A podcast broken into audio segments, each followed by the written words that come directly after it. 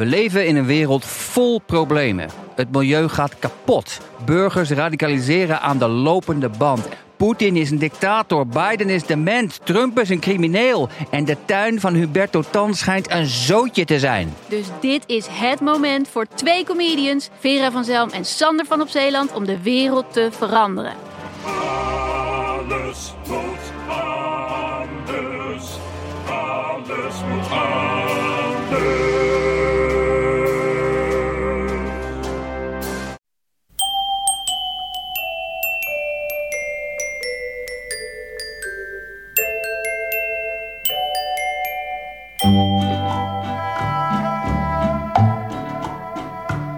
Welkom bij aflevering 405 van Echt Gebeurd, de podcast waarin mensen hun eigen waargebeurde verhalen vertellen. Deze week een verhaal dat Paul van der Wal in maart bij ons vertelde tijdens een verhalenmiddag met als thema Het dorp.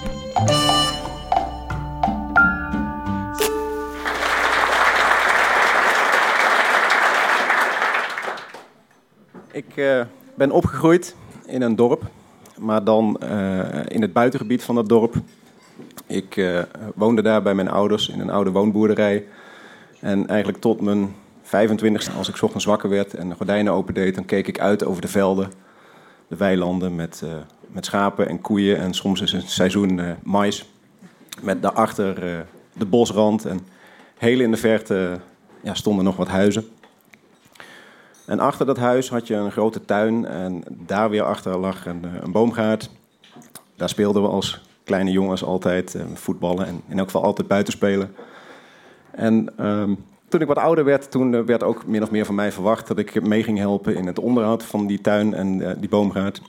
En dat vond ik eigenlijk hartstikke leuk om te doen, want je mocht soms ook met de kettingzaag aan de gang flink veel herrie maken. En met de bosmaaier mocht je de slootkanten maaien. En je hoefde je eigenlijk nooit druk te maken over de herrie die je maakte en de buren die daar misschien last van hadden. Het mooiste was eigenlijk dat je dan eh, dat snoeihout, dat mocht je ook gaan verstoken achter in de boomgaard. Dus dat, eh, het mooiste was eigenlijk van dat snoeihout om zoveel mogelijk te verzamelen en te wachten tot je een zo groot mogelijke brandstapel had. En dan pas het eh, in de fik te steken. En dan nodigde je al je vrienden uit en met veel bier erbij en oude bankstellen eromheen. En dan had je een hele nacht had je feest. Het was ontzettend gezellig en nogmaals, je hoefde je geen moment druk te maken over dat je misschien wel iemand tot last zou zijn. Want er was niemand in de wijde omtrek. Ehm, ik, ik, zat daar goed. Ik ben ook de laatste van drie broers eh, die het huis verlaten heeft. Ik eh, had daar eigenlijk alle vrijheid. Ik had, eh, zeker toen zij vertrokken waren, kon ik gebruik maken van zo'n beetje het halve woonhuis. Ik had meerdere kamers. Ik had, als ik wilde, een eigen ingang. Ik kon komen en gaan wanneer ik wilde. Of niet thuiskomen wanneer ik wilde, zonder dat iemand dat in de gaten had. Dus wat dat aan gaat, de perfecte vrijheid voor iemand van begin twintig. Maar ja, je blijft niet je hele leven thuis wonen. Dus een jaar of twaalf geleden ben ik verhuisd, ben ik samen gaan wonen. Opnieuw in een dorp, maar nu eh, ja, toch meer richting de dorpskern, aan de rand van het eh, centrum. In een woonwijk. En als ik daar s ochtends de gordijnen opendeed, dan keek ik uit op het huis van de buren. En de buren keken dus ook uit op ons huis. En als ik aan de andere kant van het huis het raam opendeed, van de badkamer, dan keek ik uit op het huis van de andere buren. En aan de voorkant hadden we een dakkapel met een mooi groot raam. En als ik daar naar buiten keek, dan keek ik uit over ja, alle huizen van de overburen. Dus die woonwijk was voor mij eigenlijk een, een soort einde van mijn vrijheid. Het was in elk geval duidelijk dat ik daar niet nog zomaar een vuur hoefde te gaan stoken. En in het begin, eh, we hadden net het huis verbouwd en het was zo'n beetje klaar, maar we hadden nog geen gordijnen. We zaten beneden in de woonkamer. En dan kwamen er met regelmaat kwamen er mensen langs gelopen, die keken naar binnen.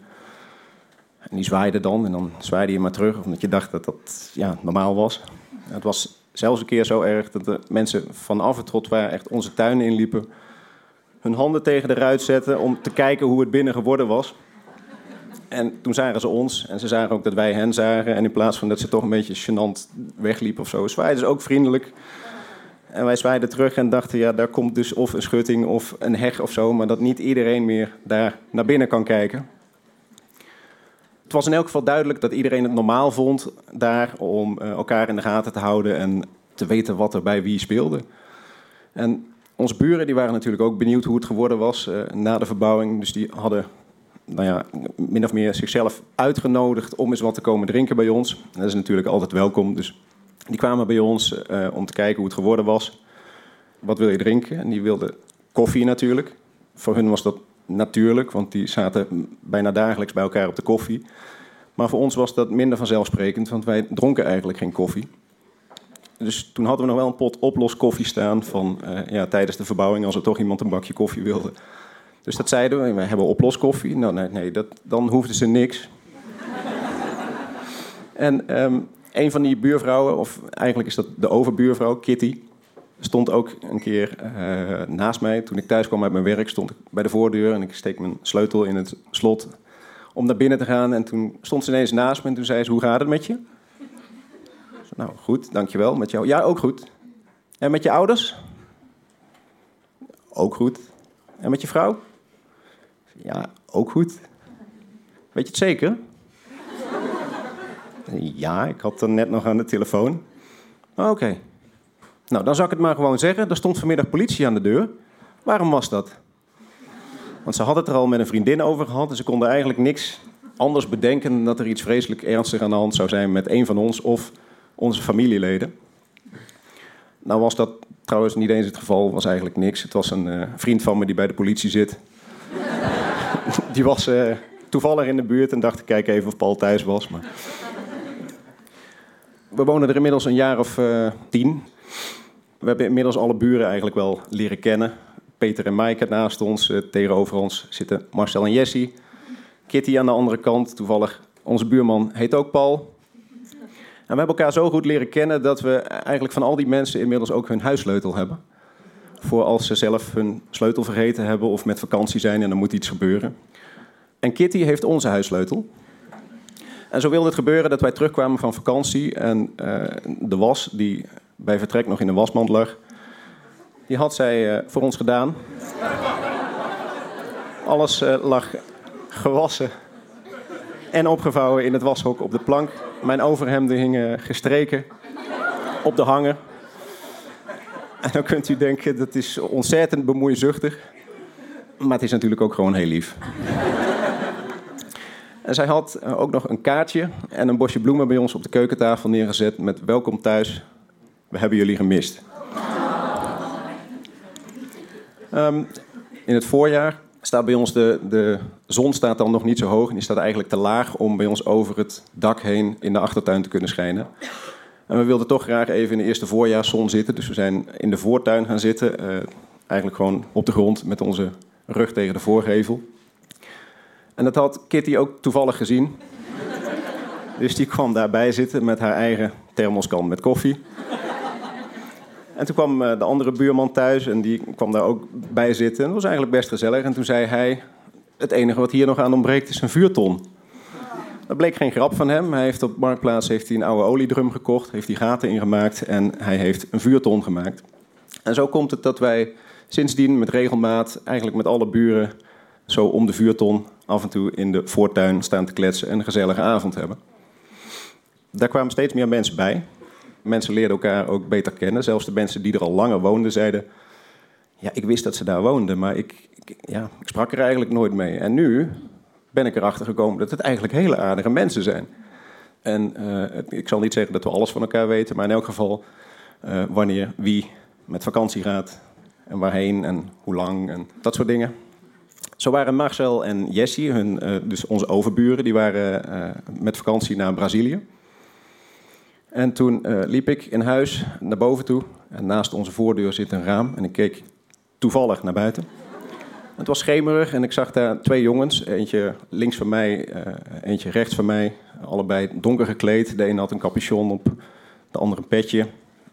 De een stond op de hoek van de straat. Een beetje de straat in te kijken. En de ander stond op een oprit van een van de huizen verder. En die stond daar een beetje verdekt opgesteld achter de pilaar die naast de oprit staat. En toen dacht ik, dat is vreemd, dat moet ik toch even in de gaten houden. En op dat moment zag ik een derde jongen, uh, misschien iets ouder, een jaar of 17, 18. En die stond uh, op de oprit van Marcel en Jessie en die keek om zich heen. En die liep naar achteren toe, op de oprit van Marcel en Jessie, die niet thuis waren. Dus ik zei tegen mijn vrouw, ik zei, ik ben even naar buiten, ik ben aan de overkant, er wordt ingebroken.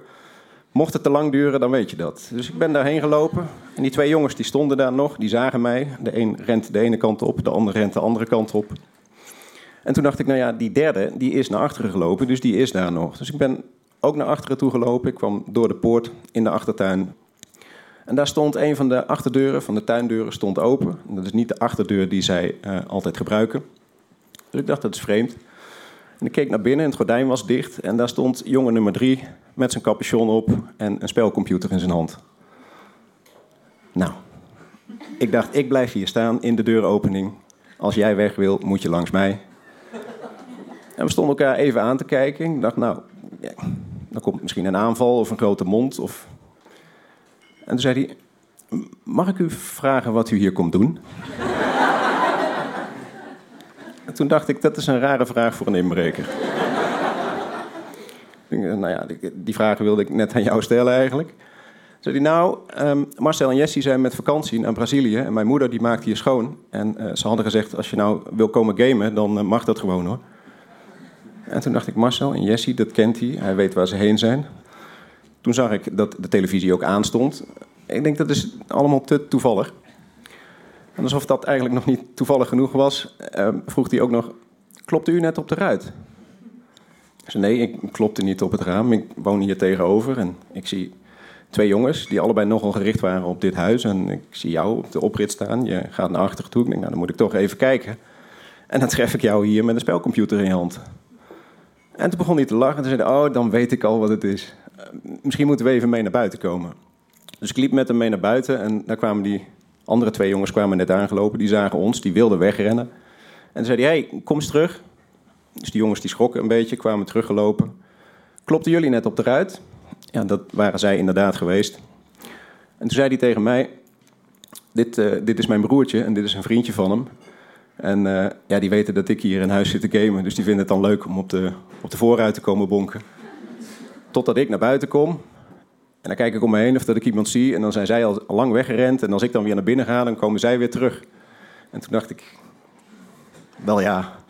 Dus ik was er echt zo ontzettend van overtuigd dat het een inbraak was. En vanaf die dag weet ik eigenlijk één ding zeker. En dat is dat je nooit iets zeker weet. Dank jullie wel.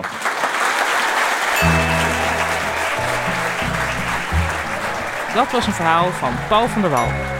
Echt gebeurd is een verhalenmiddag die elke derde zondag van de maand plaatsvindt in Comedy Club Toemler onder het Hilton Hotel in Amsterdam. Informatie over de komende edities en de kaartverkoop vind je op onze website en dat is echtgebeurd.net. Op 7 juni aanstaande doen we iets afwijkends, want dan houden we een workshop verhalen vertellen voor jongeren in het prachtige Forum in de stad Groningen. Ben jij tussen 16 en 21 jaar en wil je van onze redactie leren hoe je een persoonlijk waargebeurd verhaal vertelt op een podium? Dan kun je je via onze website, en dat is dus echtgebeurd.net, opgeven voor die workshop. Overdag helpen wij de deelnemers bij het vormgeven van hun verhaal en s'avonds is er een speciale Echt Gebeurd editie in de theaterzaal van Forum, waarbij alle voorbereide verhalen worden verteld. Aanmelden kan nog een kleine week tot 10 mei aanstaande. En kaarten kopen voor de voorstelling s'avonds kan natuurlijk ja, tot die is uitverkocht. De redactie van Echt Gebeurd bestaat uit Micha Wertheim, Renette Kwakkenbos, Tom van Rooyen, Ariane Hins en mijzelf, Panien Cornelissen. Onze directeur is Hanna Ebbingen, Jasper van Oorschot maakte de geluidsopname en deze podcast wordt verzorgd door de broer van de verteller van deze week. En die broer, die heet Gijsbert van der Wal. Dit was aflevering 405. Bedankt voor het luisteren en zorg dat je altijd de eerste bent die zegt... Mag ik u vragen wat u hier komt doen?